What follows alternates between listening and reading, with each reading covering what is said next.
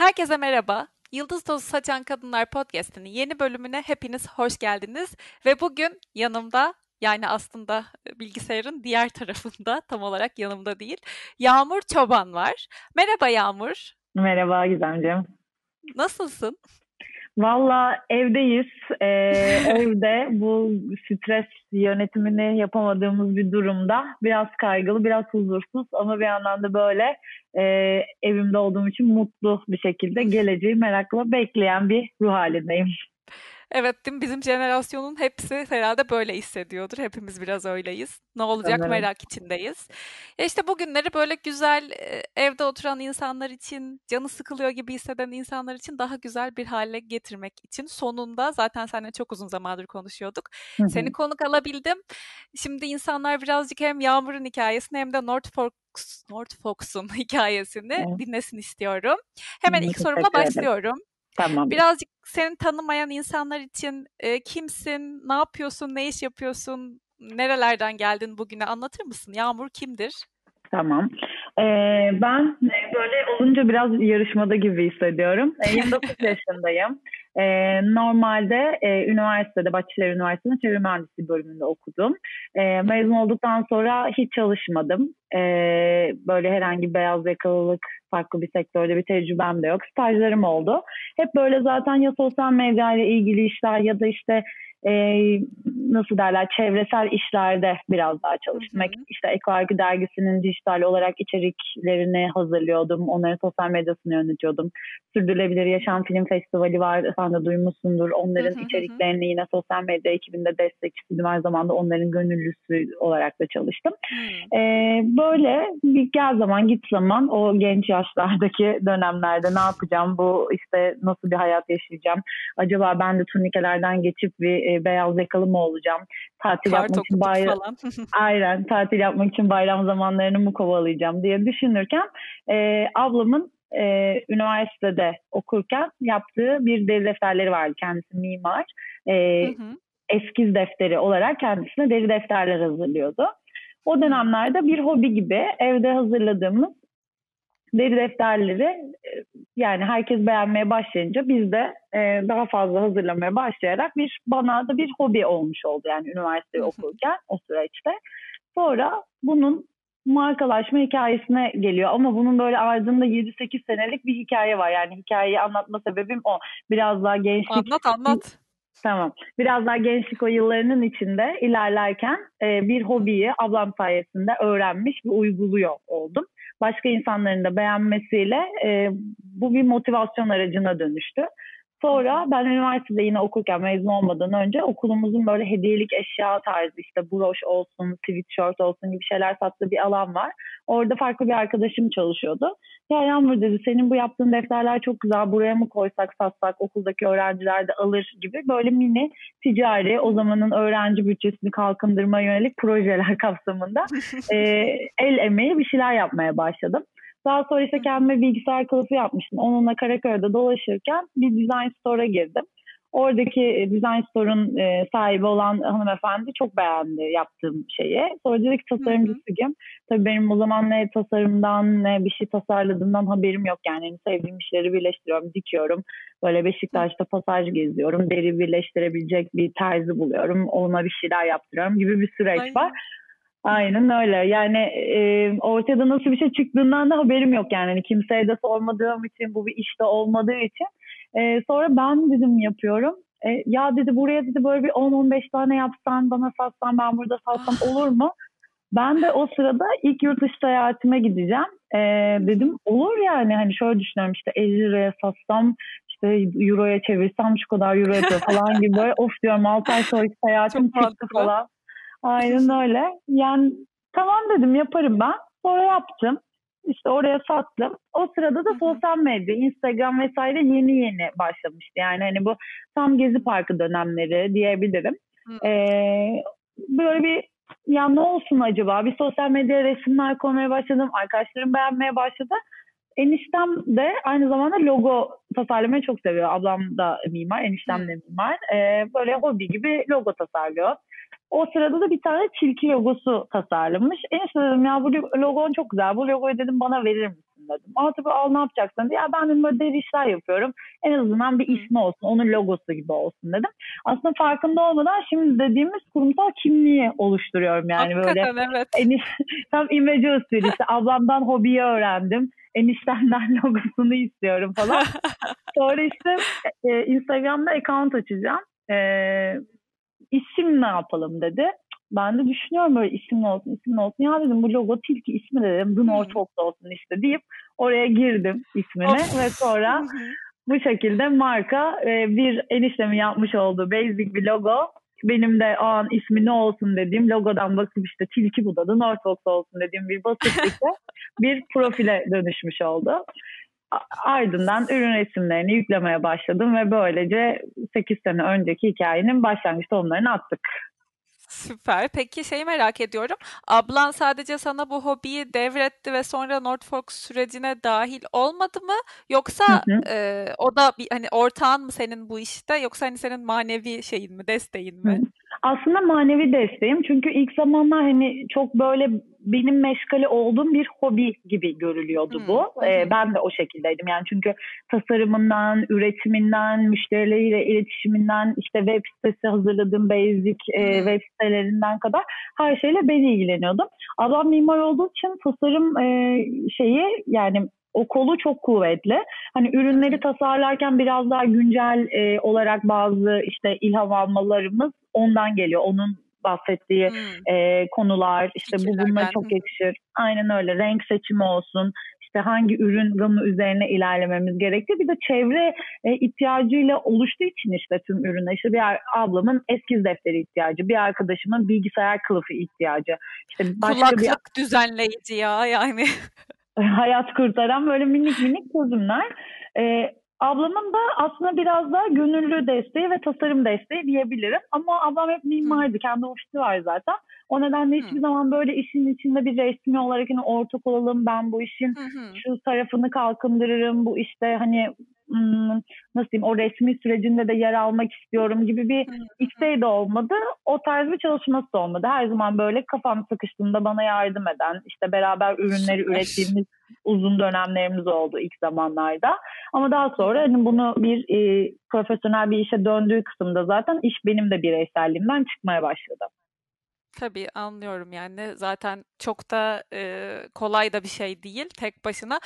İlk başlarda eminim zorlanmışsındır bütün bunları bir kişi olarak yapmaya çalışarak. Çünkü şimdi biraz Evet. basit gibi geliyor insanlara ama bir şey, bir Hı markanın hı. sosyal medyasını bile yürütmek hiç kolay bir şey değil. Gerçekten e, güzel bir kimlik e, verip vizyonlu bir şey yapmaya çalışıyorsan en azından o marka için değil mi? Evet, yani ben şöyle düşünüyorum. Aslında bütün belki de küçük e, hesap yani markaların da o, olsa, şirketlerin de olsa böyle bir arge süreçlerine zaten ihtiyaçları var. Tabii buna bir yatırım yapılıyor. Yani bir para harcanıyor, e, belirli bir e, data izleniyor. Ben benimkisi hani benim tamamen vaktim boldu. Öğrenciydim. E, o zaman da psikolojik olarak da aslında zorlu bir süreçten geçtiğim bir dönemdi ve genellikle evdeydim. Ve hani o sırada benim kendi bir yeteneğimi keşfetmem, basit de bir yetenek olsa da bunu e, böyle bir işe dönüştürmem, ardından bunun bir paraya dönüşmesi ve hiç tanımadığım insanlar tarafından takdir görülmem e, bu işe seve seve devam etmemi sağladı diyebilirim. Yani belki ben deseydim ki ben buna bir yatırım yapacağım, bir deri markası kuruyorum, e, bir ajansa çalışayım, hadi bir kurumsal kimlik yapayım, işte ürün gamı nasıl çıkarılır, arge nasıl yapılır gibi bir süreçten geçseydim belki bu kadar doğal olmayacaktı. O yüzden vakit vaktim de boldu. Araştırma yapacak zamanım da boldu. Ve o sıra para kazanmaya da ihtiyacım yoktu. Bir iş kurmaya da ihtiyacım yoktu. İhtiyacım olmadan doğal olarak bu yere gelmesi zaten güzel. Ama yani Evet, zorluğu kesinlikle. e, zorluğunu sordum. Yani zorluğunda sirkülasyon çok fazla olmadığı için, çok fazla insanla iletişim kurmadığın için ya da atıyorum günde 100 kargo çıkarmadığın için bir tık kolaydı. Vaktin varsa kolay bence. Anlıyorum. Peki, eee, birkaç tane soru var aklımda ama önce şu Northfox'u bir sindire sindire öğrenelim istiyorum. Şimdi Tamam. sen ilk başta neredeydin atölyenle? Çünkü şimdi taşındın biliyorum çok daha fancy bir hale dönüştürdün diye biliyorum uzaktan. Hı Daha hı. gelemedim. Hı ondan birazcık bahseder misin? Nerede, nasıl bir yerde çalıştın? Bunların üretimini nerede Hı hı. yaptın? bizzat sıcak satış yaptın mı? Nasıl ilerledi o kısmı? Tamam. Ee, önce tamamen evde başladığım bir süreç var. Evim Ay. o zaman dubleksti. Evimin böyle bir odasını e, atölyeye dönüştürdüm. Bir masa, e, biraz işte malzeme, kullandığım malzemeler e, paketleme ürünlerim vesaire böyle bir çalışma odası gibi düşün. Orada yapıyordum. Hı hı. Sonra biraz da e, farklı ablamın da iş gücüne ihtiyaç duyduğum noktada ablamların ofisleri, ilk ofisleri vardı. Orası üç katlıydı. En altında böyle depo gibi e, numune ürünleri koydukları bir yer vardı. Oraya taşıdım bir kısmını. O zaman tam böyle merdiven altı üretim dediğimiz üretime dönüştü. Gerçekten böyle bir merdiven gibi bir şeyin altında bir depoda beraber üretiyorduk ablamla. Ee, ondan sonra biraz işte hem gelen giden olsun hem deri işi biraz daha çekiçle çalıştığım, biraz daha ses yapan bir şey. Orası ofis olduğu için onların çalışma şartlarını, saatlerini zorladığım için farklı bir yere geçmem gerekiyordu. O zaman da e, eniştemlerin tam böyle bir işçisin sen işçi atölyesi gibi eniştemin ailesi takı iş yapıyor. takı işleri yaptıkları böyle bir döküm atölyesi var. Orada eski makineler var artık döküm yapmadıkları için. Ama Feriköy'ün bir yerinde kalmış sobalı falan bir atölye yani.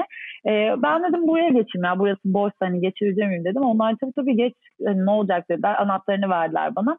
Ben böyle gidiyorum soba yakmayı çok bilmem falan soba yakıyorum. Ondan sonra ama böyle iki saatlik bir işim var. Orası ısınmıyor. Oradan böyle çıkıyorum. Of. O zaman böyle hayatımda hiç olmadığım kadar bronşta olmuştum. Böyle soğukta kalıp üşümekten. Of, tabii ee. Öyle bir süreçlerden geçti. En son dedim ki ya bu zor oluyor. Hani ben hep böyle bir iş ahlakına, bir ofis, bir atölye e, şeyine, Hı-hı. prensibine dayandırıp ama tek bir kişinin gittiği bir yere dönüştü orası. Dedim ben konforlu, sıcacık evime geri döneyim. Tekrar eve döndüm. E, ondan sonrasında e, çok güzel bir ustayla yolum kesişti. E, artık benim de zaten pazarlama, e, içerik üretme, tasarımlarımı yapma ve iletişim kısmına geçmem gerekiyordu. Ve üretimde destek, aynen, üretimde destek almam gerektiği bir evreye geldim arkada. Ustayla yolum kesiştikten sonra da ustayla beraber dedik ki e, usta dedim ben dedim bir bu dedim profesyonel bir işe dönüşüyor. Şöyle dedim kirası dedim bizi üzmeyecek bir yere çıkacağım. Sen de gelir misin oraya? Orada çalışır mısın? Makinelerini getirir misin? O da sağ olsun gelirim dedi. Nişantaşı'nda bir pasajın içinde 40 metrekarelik bir atölyeye e, evrildi olay. Orada da sanırım bir buçuk iki senemiz geçti. Çoğu aslında büyük işlerimizi orada yapıp cebimize e, paramızı koyup e, büyük bir e, ne derler yatırımını sağlayacak bir parayı yapıp hani bana göre büyük de başkalarına göre çok küçüktür. E, oradan da bugün Çukurcuma Beyoğlu'nda e, iki katlı alt katımızın atölye olduğu üst katımızın da e, kahve verdiğimiz ama aynı zamanda diğer tasarım cıların ürünlerine yer veren hem de bizim deri ürünlerimizin bulunduğu bir mağaza açtık. Temmuz ayında açmıştık. Şimdi maalesef kapalı orası da. Ama çok güzel dinlemesi bile böyle çok ilham verici bir e, hani kimine göre bilmiyorum. Bana göre oldukça yükseliş bir hikaye böyle çizgi sürekli artıyor artıyor artıyor. Evet evet. Aynen. bir şey. E, peki şeyi şimdi usta dedin ya onu da merak etmiştim. İlk hı hı. başta her şeyi e, sizin yani sen mi yapıyordun elinle yoksa her zaman bir usta desteği var mıydı? Ben bu işi hiç bilmem zaten deri işini hı hı. merak ettiğim için öğrenmek istiyorum. Yani ilk başta şöyleydi aslında bir kalıp çıkarma süreci var. Sonra bir de deri kullandığımız materyalin e, işlediğimiz bir süreci var. İlk zamanlar e, o bu kalıptan derinin kesimine kadar ve el dikimi yani çoğu aslında çoğu insan da şu an e, sosyal medya üzerinden de bu çok böyle YouTube'dan da öğrenilebilecek bir şey. Biz de workshoplarını yapıyoruz. Basit bir el dikişi yöntemiyle deriyi kesip işleme, basit kartlıklar, defterler yapabilir. Hani çok zor şeyler dedi. O şekilde başladı olay. Ben de el dikişiyle yapıyordum. Ama bu e, bunu yani daha fazla insana ulaştırmak, daha fazla üretmek için hem çok fazla zaman harcıyorsun el dikişinde hem de yani bu kadar zamanı bir fiyat biçtiğinde e, daha ulaşılamayan fiyatlar oluyor. Yani satışı çok, çok kolay olmuyor. bir şey olmuyor yani. Aynen yani aslında çok değerli bir şey ama biraz daha profesyonel modeller daha insanların yani ben biraz daha burada kurumsal sektörde çalışan daha e, nasıl diyeyim günümüz insanla ürettiğimiz bir ürün gamı çıkarmak istiyordum. Benim el dikişiyle üretebildiğim ürünler daha böyle orta çağ civarında kullanabilecek daha basit ürünler gibi duruyorlardı. Yani hani bir tane deriyi katlıyorsun cüzdan yapmışsın. Ben daha böyle kartlıklı daha vizyoner işçilikle yapılmış evet. ama o handmade duygusunda kaybolmadığı ürün gamı istiyordum. Ondan sonra Tam artık öyle fark... zaten ürünler. Evet, teşekkür ederim. Yani ondan sonra aslında ben dedim ki bu işi, dikişi vesaireyi ben öğrensem de makinede benim yapabileceğim bir şey değil. Bunda hani gerçekten e, belli bir zaman harcamış, dirsek aynen dirsek çürütmüş bir profesyonel destek lazım deyip bir deri ustasıyla yolunda kesince bu şekilde ilerledik. Süper. Ee, peki şey markalarla işbirliği yaptın hani markalar daha doğrusu işbirliği değil yani markalara yaptın ne denir ona markalar senden çoklu ürün Kurumsal aldı. siparişler diyoruz. Hı hı. Toptan ürün üretimi diyoruz ya da. O süreç nasıldı senin için? Ee, ya aslında evde yaptığım süreçte benim mağaza açmak ya da ilk atölyeme çıkmak için bütün sermayelerimi ürettiğim kısım yani hazırladığım paramı kazandığım kısım bu toplu siparişler oldu. Burada hani bir para kendi bir ürün satışı var ama tabii çok amatör olarak yapıyorsun. Yani hani bir web siten var ama çok basit işte o zamanın hmm. e, Sopsi tabanlı bir web sitesi var. Ürünün görselini yüklüyorsun. Altına basitçe açıklamalarını ekliyorsun. İnsanlar kredi kartıyla bir şeyler alabiliyor. Bunu tamamen e, yani bir web tasarımcısı olmayan biri de çok rahat yapabiliyor. E, böyle bir şeyde parakende ulaşabildiğin insan sayısı çok az oluyor. O sırada da sanırım yani sosyal medyanın gücü ben hep onu söylüyorum. Yani bu markanın gelişmesi, bilinmesi ve bir şeylerin satışa dönmesi sosyal medyadaki insanlar tarafından oldu bence. Orada sanırım bir şirkette çalışan birileri görmüş ve bize gelip ya ürünleriniz çok güzel biz şu kadar adetli bir müşterimize hediye hazırlamak istiyoruz. Bu adetlerde ürün hazırlıyor musunuz diye bir aslında e, mail geldi. Bir gün maili açtım. Böyle bir mail vardı. Tabii hiç yapmamışız. Ya dedim biz zaten çok butik bir iş yapıyoruz. Yani ne kadar sayıda olacak, nasıl olacak falan onlarla konuşarak e, toplu sipariş sürecine girdik. Sonra da zaten bir şirketle çalışınca işiniz de güzelse atıyorum 100 insana hediye üretmiş oluyorsunuz. 100 insandan oradan itibaren kontaklar ilerliyor. Yani seven tekrar geliyor diyebilirim. Zaten o zaman biz başka bir sorumun cevabını dolaylı olarak almış oldum. Northfox'un e, akıbetini ilk e, değiştiren olumlu yönde ne oldu diye soracaktım. O zaman bu Hı-hı. kurumsal iş mi oldu? Evet yani toplu siparişin e, güzel bir maddi bir paraya dönmesi ve e, sosyal medya diyebilirim o aslında akıbetini değiştiren şey. Belki sosyal medya olmasaydı hiç bu halde olamayabilirdik. Çünkü benim sosyal medyada o müşteri sıfatıyla tanıyıp çoğuyla arkadaş olduğum ve takdir gördüğüm duygusu olduğu için ben buna devam ettim. Belki hmm. kendi kendime yaptığım bir hobi olsaydı, hiç insanlarla buluşmamış olsaydı belki hala evde kendim dizleri, defterler, deri kezler yapıyor olurdum ama bu bir markaya dönüşmemiş olur. Bir hobi olarak kalırdı. İç dinamiğini de aslında o kontaklar ve sonra onlarla kurduğun diyaloglarla sağladın o zaman. Aynen öyle. Peki hangi markaydı bu? Bu arada bunu herhalde söylememizin bir sakıncası yoktur. İlk ee, işbirliği. Çalık, çalık benim. Hı hı. Benim Sonra bir de şey e, ben birkaç tane daha bilindik şeyler görmüştüm. Ya şu an ee, yalan olmasın sen saysana. Brand formuna çok çalışıyoruz. Yani tam böyle alkol firmalarının sevdiği bizim hatta bir eski müşterimiz var. Onlar böyle viski fıçılarının rengine çok uyuyor. Brand formunun Jack Daniels, Johnny Walker'a çok çalıştık. Birçok organizasyon firmasına çalıştık. Seyahat turizm sektöründe çalıştığımız var.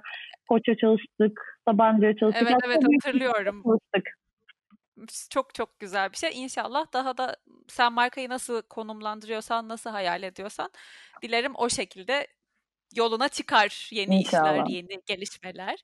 İnşallah. Peki şimdi unutmadan şeye dönmek istiyorum. Çevre mühendisliği okudum dedin. Hı hı. Ee, çevre mühendisliği yapmak istemediğini nasıl anladın? Hı hı. Ya da bu bölümü isteyerek, "A, ben bunu okuyacağım." diyerek mi seçmiştin? Birazcık bu üniversite döneminde çok, eee, dinleyici var. Ben onlara da faydalı olsun istiyorum. Biraz Mükemmel. ondan bahseder misin? Tabii. Ya ben normalde bir düz lise öğrencisiyim. Lisenin 3 sene olduğu bir dönem. O zaman düz liselerde bizim lisemizde de hazırlık da yoktu. Ee, çok da böyle inanılmaz parlak, çalışkan, çok böyle eğitim e, kokan bir hayatımda olmadığı için hani üniversiteye gireyim de ne olursa olsun modundaydım. E, çok da üniversitede kazanabilecek bir e, başarı göstergem de yoktu açıkçası. Tamamen işte lise bitti. Lise bittikten sonra bir sene hazırlık sürecimde e, ben e, bir hocadan ders aldım. Sen de bilirsin hatta Burç, Burcu, Burç hmm, Ayşe Barkili olarak geçiyor.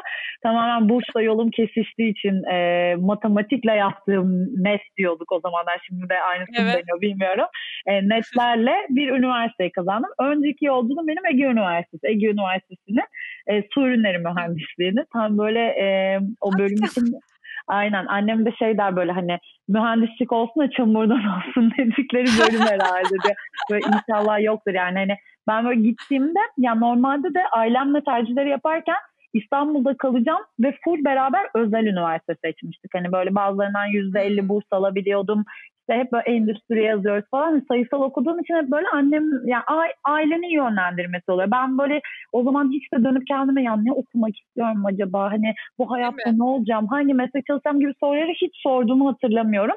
Ailem de sağ olsun onlar da bana sormadılar. Yani hani annem de böyle mühendis sayısal okudun işte mühendis olursun ne olacak? Annem belediyede çalışıyordu emekli şimdi memur. Hı hı. En kötü devlete bir kapağı atarsın modunda bir kadın. Hı hı. Ee, Ondan sonra biz tercihlerimizi yaptık ailemle. Ben gittim işte okuluma tercihlerimi o zaman elden veriyorduk. Elden verme. Ya dedim ben özel üniversitede okumak istemiyorum. Ben özel üniversite okuyabilecek biri değilim dedim. Ben tercihlerimi değiştireceğim dedim. Devlet üniversitesi yazacağım. Gideceğim dedim bu İstanbul'dan da dedim. Kendi başıma oturdum. Orada tercihlerimi değiştirdim yazmışım hiç hatırlamıyorum bile hani bilinçli bir karar vermediğim için büyük ihtimalle ya bir arkadaşım bekliyor buluşacağım onunla falan hemen tercihini vereyim de çıkayım gideyim falan modundayım. Ah. Aynen. Ege Üniversitesi'ne sorunları mühendisliğini yazmışım. Sonra tercihler açıklandı. Benden önce de annem giriyor bakıyor nereye kazanmışım diye. annem orada dedi senin tercihlerin karışmış dedi. Biz böyle bir yer yazmadık dedi. Nereye aramamız gerekiyor? Nereye şey yapacağız acaba? Bizim anne dedim sakin ol dedim. Ben böyle tercihlerimi değiştirdim. Dedim. Ne, ne yaptın sen? Tamam dedi bir sene daha dedi hazırlanıyorsun o zaman dedi. Anne dedim ben okumak istiyorum. Zaten dedim okulum paralı değil. Devlet yurdunda da kalırım. Ben gideceğim dedim ya. İzmir beni bekliyor dedim. Annemler de bir yumuşadı. Babam da sağ olsun destek oldu. Sonra annemlerle beraber İzmir'e gittik. Okul kaydımı yaptık. Beni güzel böyle bir e, yurda yerleştirdiler onlar. Aa, bayağı Ondan bayağı sonra, gittin yani. Bayağı gittim. Başladım okul e, maratonunda koşturmaya. İşte hazırlık okudum sene. Birinci sınıfı okudum. Annem de bir yandan böyle tatlı tatlı böyle beni manipüle ediyor. İşte aslında diyor sen çok çalışkan bir kızsın diyor. Bir daha sınava girsen bence çok farklı yerleri kazanırsın. Hadi kızım girsene hadi kızım girsene. Ben dedim ki annemi mi kıracağım? Gireyim bir daha üniversite sınavına ve eğlence olsun. Ne tekrar bir daha üniversite sınavına girdim. O sırada da girdiğim ee, ama hiç yani İzmir'i çok seviyorum. Yeni bir hayat kurdum. İzmir'den gitmek istemiyorum. Soru işaretlerim var ama hani bütün olumsuzlukları çözerim ve ben burada bir hayat inşa ederim kendime. İşte su ürünleri mühendisliğinden mezun olurum. Ee, bir işte işte ya belediyede çalışırım ya bir arıtma tesisinde çalışırım falan modunda takılıyorum. Sonra Nereden bir, nereye? Ee? Aynen öyle. Yani belki de annem beni bu kadar manipüle etmeseydi, ikinci üniversite sınavına girmeseydim de böyle bir hayatım olmazdı şu an evet. diye düşünüyorum. Ee, sonra puanlarım açıklandı ama o zaman iki bizim zamanımızda yani benim ilk sınava girdiğim zaman bir oturumlu e, sınavdı. İkincisinde iki oturum yaptılar. Yani birinci bölüme girdik ha, sonra evet. bir daha bir bölüme girdik. Yani onların isimlerini hiç hatırlamıyorum şu an. Ben de hiç Girdim bilmiyorum ama 2009'dan sonra değişti sanırım. Ben 2009'da senin dediği yalan mı söylüyorum evet. şu anda? Yok. 2009 2009'da tek, çünkü... tek oturum girdim ben diye Tabii ben de 2010'da çünkü evet İzmir'den döndüm 2010'da çünkü. Hı, tamam. Ee, sınava girince aldığım puanları falan da hiç bilmiyorum. Yani anlamıyorum. Puan sistemi de yok. Annem bana diyor ki bak senin puanı ortalama bir puan. Hadi tercih yaptın mı? Hadi tercih yaptın mı diyor. Ben de böyle arkadaşlarımlayım tam böyle o zaman da kendi evime çıkmışım. Yurdu da bırakmışım artık ev yani gençliğimin baharındayım yani coşkulu coşkulu. Arkadaşlarımla evde partiliyoruz. Tercihlerin de son günü. O zaman da internetten e, tercihlerini gönderebiliyorsun. Öyle bir güncelleme eklemişler. Teknolojileşmeye başladık.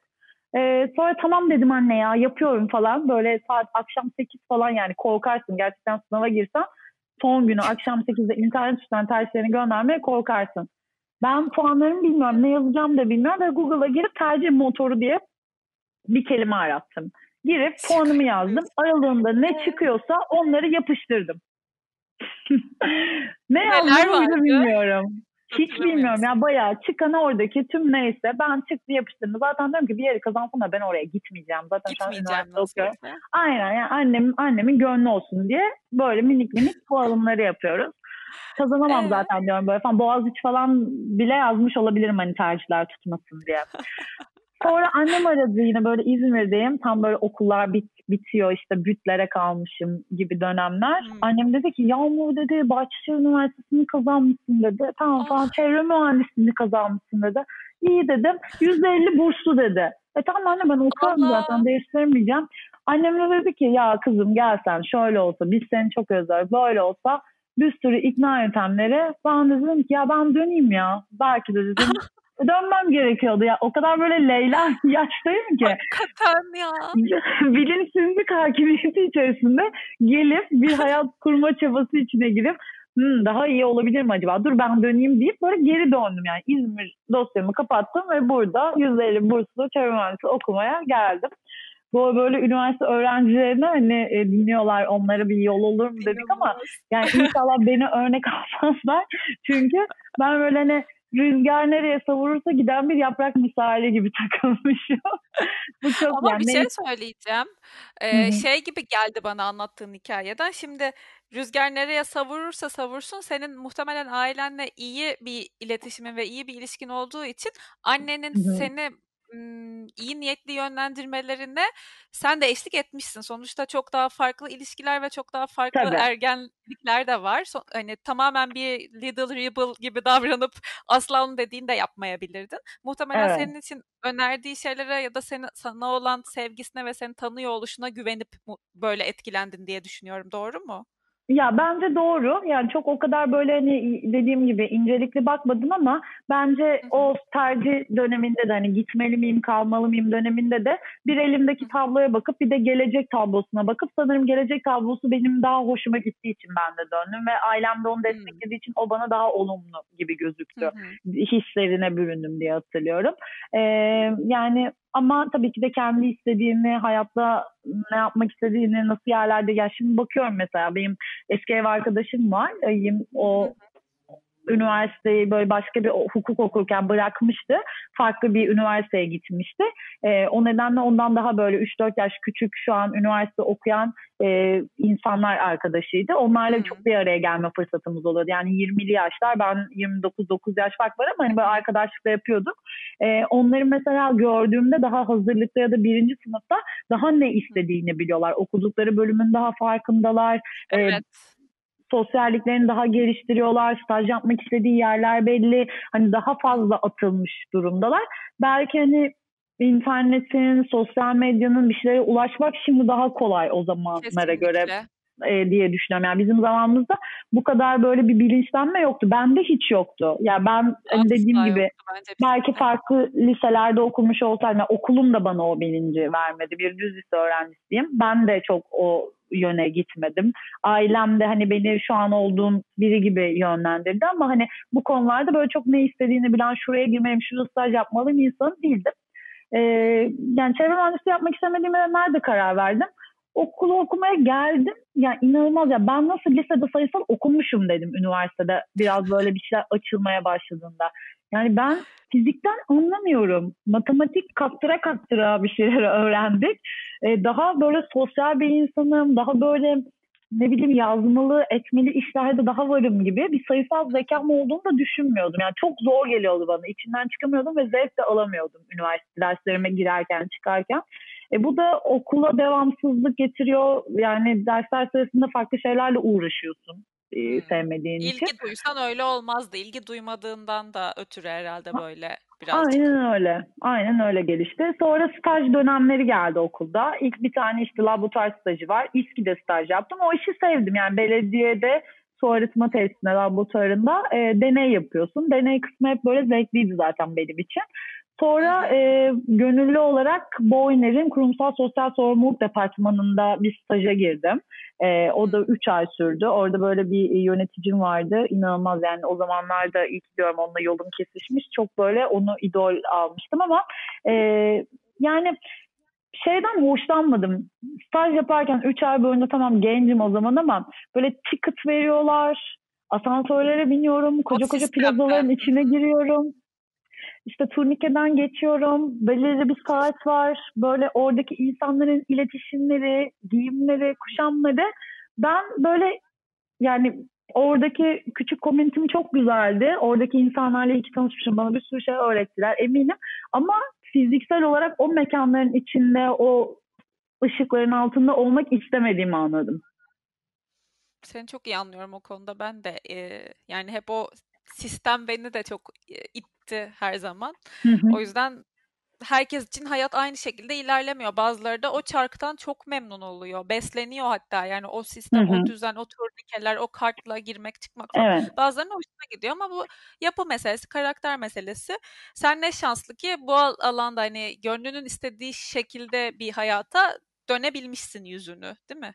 Evet, aynen. Yani ben mesela hiçbir beyaz yakalı e, tecrübem olmadığı için de algılayamıyorum da yani hani o konuda da bir farkındalığım da gelişmemiş. İşte çalışan arkadaşlarım var mesela e, tatile gideceğimiz zaman hani herkes çok özgür bir tatil planı yapabilirmiş gibi bakıyorum. bir süre böyle fa- fark edemedim ilk dönemleri onu. Hani hiç de tecrübem de olmadığım için hani belki uzun süre çalışsam ağzım yansa hani o şeyle de e, giderdim ama hiç, hiç o dünyayı da bilmiyorum yani hiç deneyimlemedim. Gördüğüm, dinlediğim kadar, gittiğim toplantılar kadar biliyorum. Toplantılara bile gitmekten çok hoşlanmıyorum yani.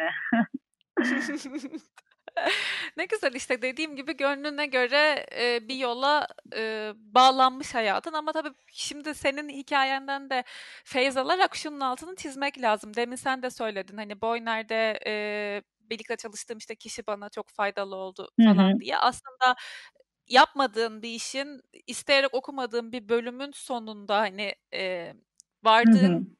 İnsan o dönemki o hayat tecrüben kısa bile olsa paylaştığın şeyler seni şu an farklı bir bakış açısına getirdi değil mi? Bence e, her adımda insanın hayatında istediği şeyle alakalı olmayabiliyor gibi geliyor bana ya. Bu yeni yeni geldi bu e, düşünce yapısı. Sen ne düşünüyorsun bu konuda?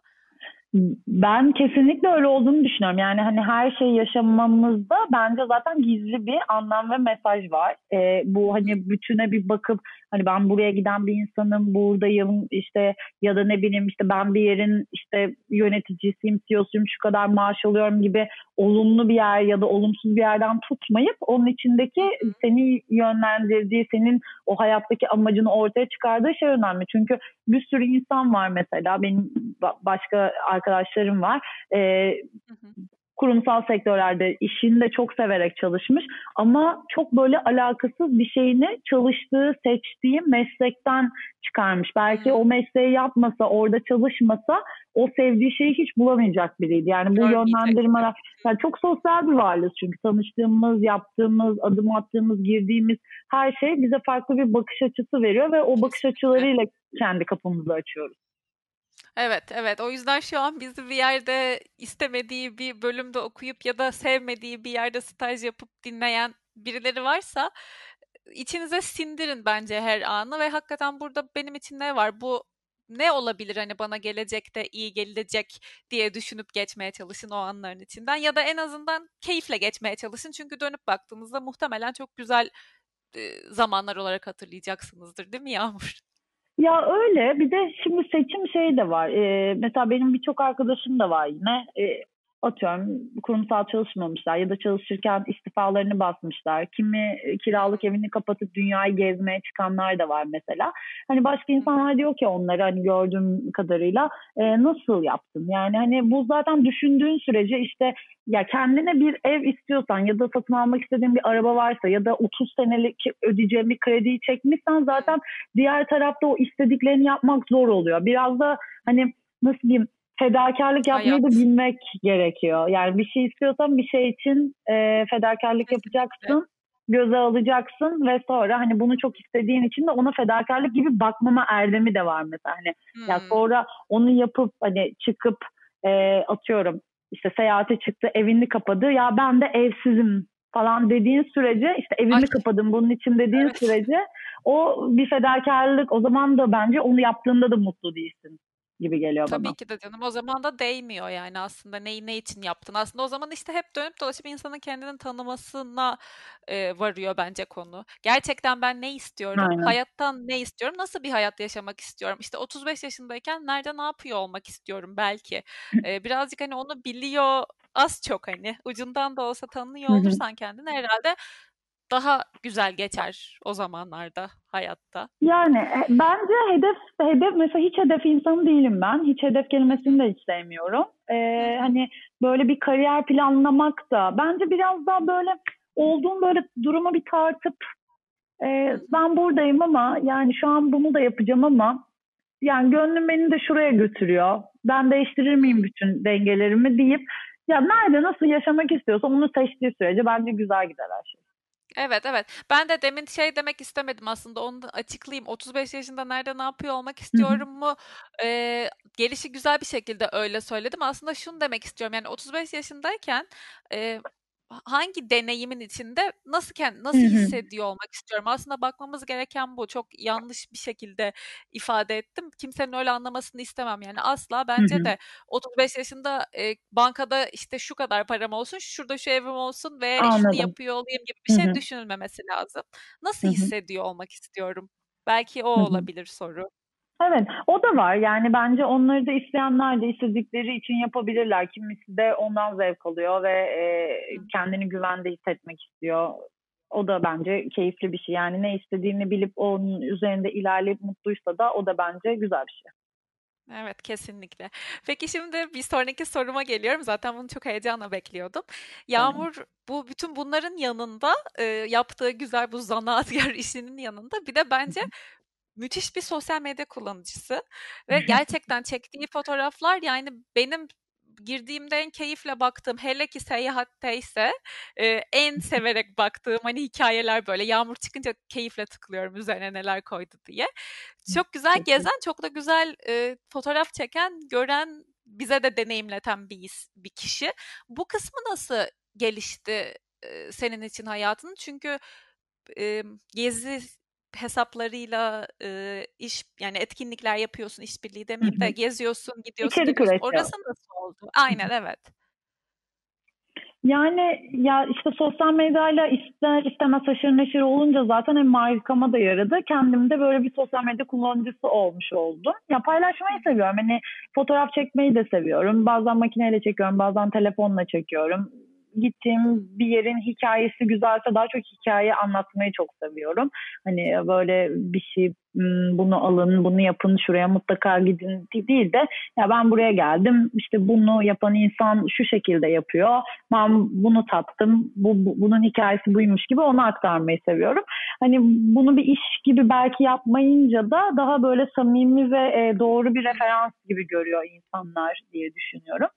Ee, e, tabii böyle kendi yani birçok insan var zaten kendi keşifleri var e, kendi zamanlarının e, çalıştıklarının dışında ailesiyle geçirdikleri vakitler dışında bir sürü hikayeye ortak oluyorlar eşlik ediyorlar bunları anlatmaktan hoşlanan insanlar da var ben de onlardan biriyim böyle hani sosyal medyada paylaşınca da e, sosyal medyada da farklı içerikler üreten insanlarla yolum kesişti. E, Pilgezi diye bir e, oluşum var. Can diye bir arkadaşımız kurdu. Onunla da böyle bir arkadaşım aracılığıyla tanıştık.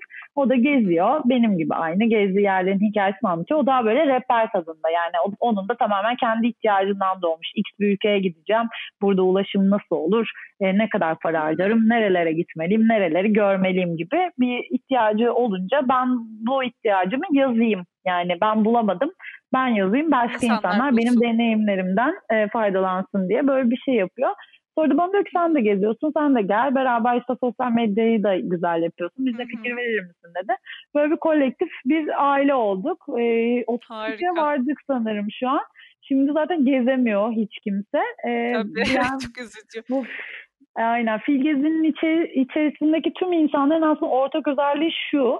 E, hepsi kurumsal ya da farklı benim gibi butik işler yapan insanlar e, yani komple böyle hayatlarını gezmeye adamış hani atıyorum yani var gezginler mesela işte kapamış bütün her şeyini hı. dünyayı geziyor ve bunun üzerinden artık işte yaptığı işler ya da gezerek çalışabildiği için bir şekilde para kazanıyorlar. O şekilde değiller.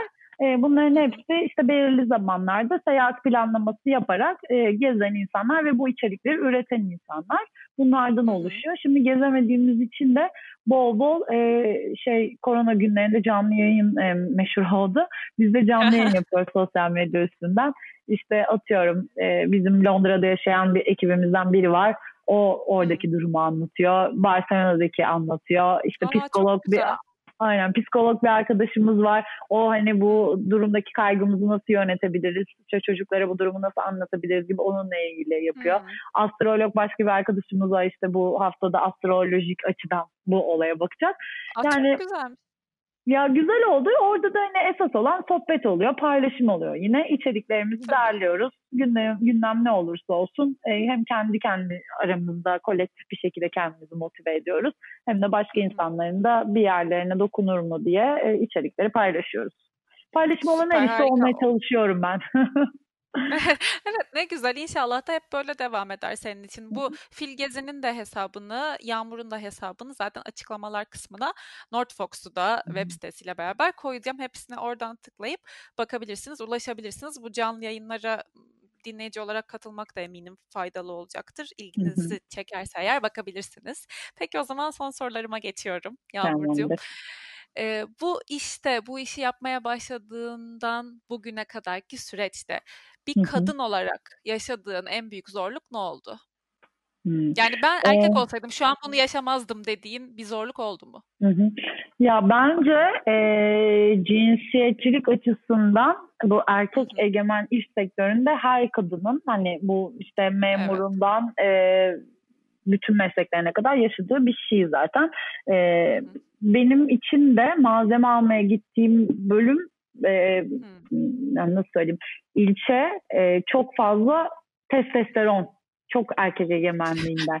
E, atıyorum yani gidiyorsun kalıpçıda abiler, e, deri evet. almaya gidiyorsun orada amcalar, Abiler. işte bilmem nereye gidiyorsun orada böyle işçiler ama hani erkek erkek erkek ve bir kadının oraya girmesine o atölyelerin içine girip çıkmasına çok alışık değiller, görmemişler. Yani hani büyük işlerde yapsalar da genellikle o kısım ya böyle farklı bir şekilde geliyor. Çok butik işler yapan insanlar oralara girmiyorlar zaten genellikle diye düşünüyorum. Yani çok böyle alışık da değiller. Oralarda biraz hani ya ben kendi açımdan hani kendi iş yaptığım insanlar tarafından böyle bir işte taciz edildi, göz süzüldü vesaire gibi hiçbir şey yaşamadım. E, o nedenle şanslı hissediyorum ama o çok böyle erkek erkek olan yerde bir böyle lan işte hani Veri benim, değiştiriyorsun değil mi biraz? Evet. Yani göğüslerime mi bakılıyor şimdi acaba? Dur ben bugün işte gideceğim şu semte ama ben makyaj yapmayayım bugün. İşte Şunu ne bileyim giyineyim. Bol, bol giyineyim ben bugün gibi dediğim bir şey yaşadım. Hmm. En zorlandığım kısım o olabilir. Ama hani başka da bir şey yok. O benim kendi düşüncem, ön yargılarımdan da olabilir. Bilmiyorum ya da evet. öyle hissettiğim için de olabilir.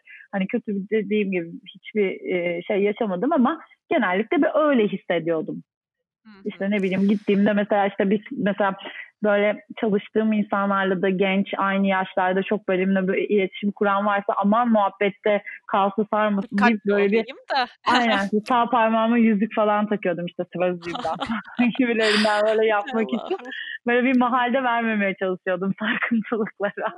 İşte herkes kendince bir şey e, geliştiriyor değil mi? Bir teknik böyle özellikle çok erkek ya, hegemonyası içinde çalışan insanlarda çok oluyor. Bu, çok fazla varmış zaten. Biz işte ne zaman kaç yılında olduğunu hatırlamıyorum ama İSPEK böyle 16 ülkede e, bir tane proje yapmıştı. İlan veren Kadınlar Günü'ndeydi o da. İlan veren kadınlar üretici e, böyle butik marka sahiplerini seçmişti. Burada da işte e, Elif Tanverdi var çizen bayan sen de tanıyorsundur biliyorsun. Tanıyorum. İnşallah o da konuk olacak biliyor musun? Aa, süper çok sevindim. Evet. E, Elif'in yürüttüğü bir projeydi İSPEK'le beraber çalıştı. Orada böyle çok güzel bir ekibi şey yapıp bizim işte benimle beraber 6-7 tane kadın arkadaşım var sanırım. Hepsi de hala çok güzel markaların sahipleri yürütüyorlar işlerini. Onların böyle e, atölyelerine konuk olup yaptıkları işleri, hikayelerini dinleyip orada e, Kadınlar Günü'nde olduğu için kadın olarak yaşadığım senin sorduğun gibi sorular sorulmuştu. Orada da aslında hani bakınca herkesin de bu teknikleri geliştirdiğini gördüm. Çoğu böyle işte evliyim evet. diyen var, benim gibi sözlüğü takan var. E, yani kadın olarak gittiğinde rahatsız hissetmen daha fazlaydı. Evet. Tabii o Zaten ben de burada kiminle konuşsam off the record yani kayıt dışında da hı hı. kendi eşimle dostumla konuştuğumda da bu kaçınılmaz bir gerçek. Umarım birazcık birazcık minik minik bir şeyler dönüşür. Onu diliyorum hepimiz adına. İnşallah. Ama şimdilik böyle işte küçük taktiklerle devam edecek gibisiniz. Özellikle siz çok böyle işlerin içinde olan insanlar kolay gelsin. Aynen. Peki en son ne zaman iyi ki bu işi seçmişim, iyi ki bu işi yapıyorum dedin?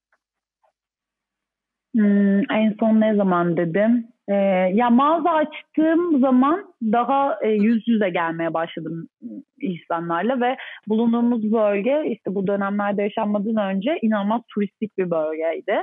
E, çok fazla e, turistle e, baş başa kalıyorduk orada. E, ürünleri hani sosyal medyadan bir Türk müşterisine e, ulaştırıyordum, gösteriyordum ama yani hiç ulaşmadığım o şekilde bir dil iletişimi yapmadığım şekilde fiziki olarak turistler mağazama girmeye başladı. Ee, en son sanırım bu salgın olayından bir 10 gün önce mağazada otururken yine böyle bir İngiliz bir çift girmişti içeri. Ee, onları gördüğüm zaman demiş olabilirim. Çünkü yani genellikle böyle daha çok takdir e, ediyorlar. Daha böyle Tabii. Yani nasıl an, anlatayım o süreci bilemedim.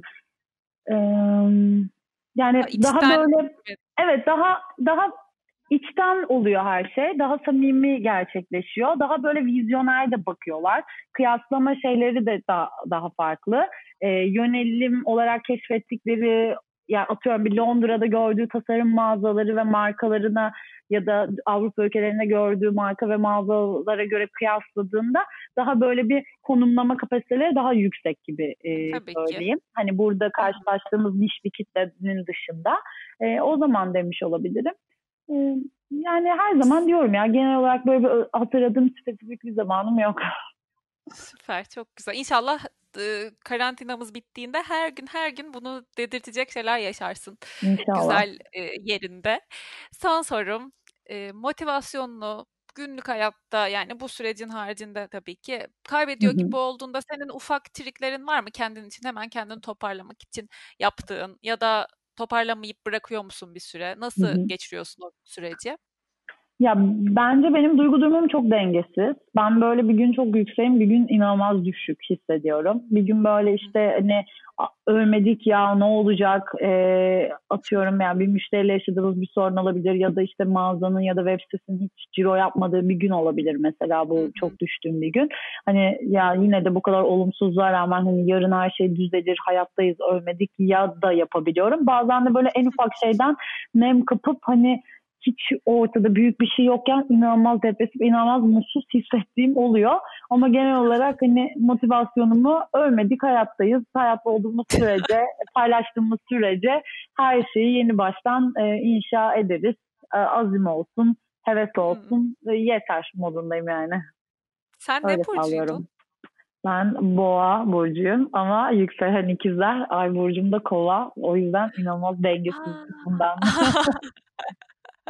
Zordur. Senin için daha zordur bu saydığın kombinasyon sanırım. Yani Çok bir yandan işte sabit fikirlerine tutunmaya çalışıp bir yandan ikizler gibi duygu durum dengesizliği ah. yaşayıp bir oradayım bir buradayım deyip bir yandan da böyle inanılmaz eşitlikçi, dünyayı sevici, paylaşımcı davranmaya çalışırken hırpalanıyorum yani dalgalar arasında kalmışım gibi bir hali normal.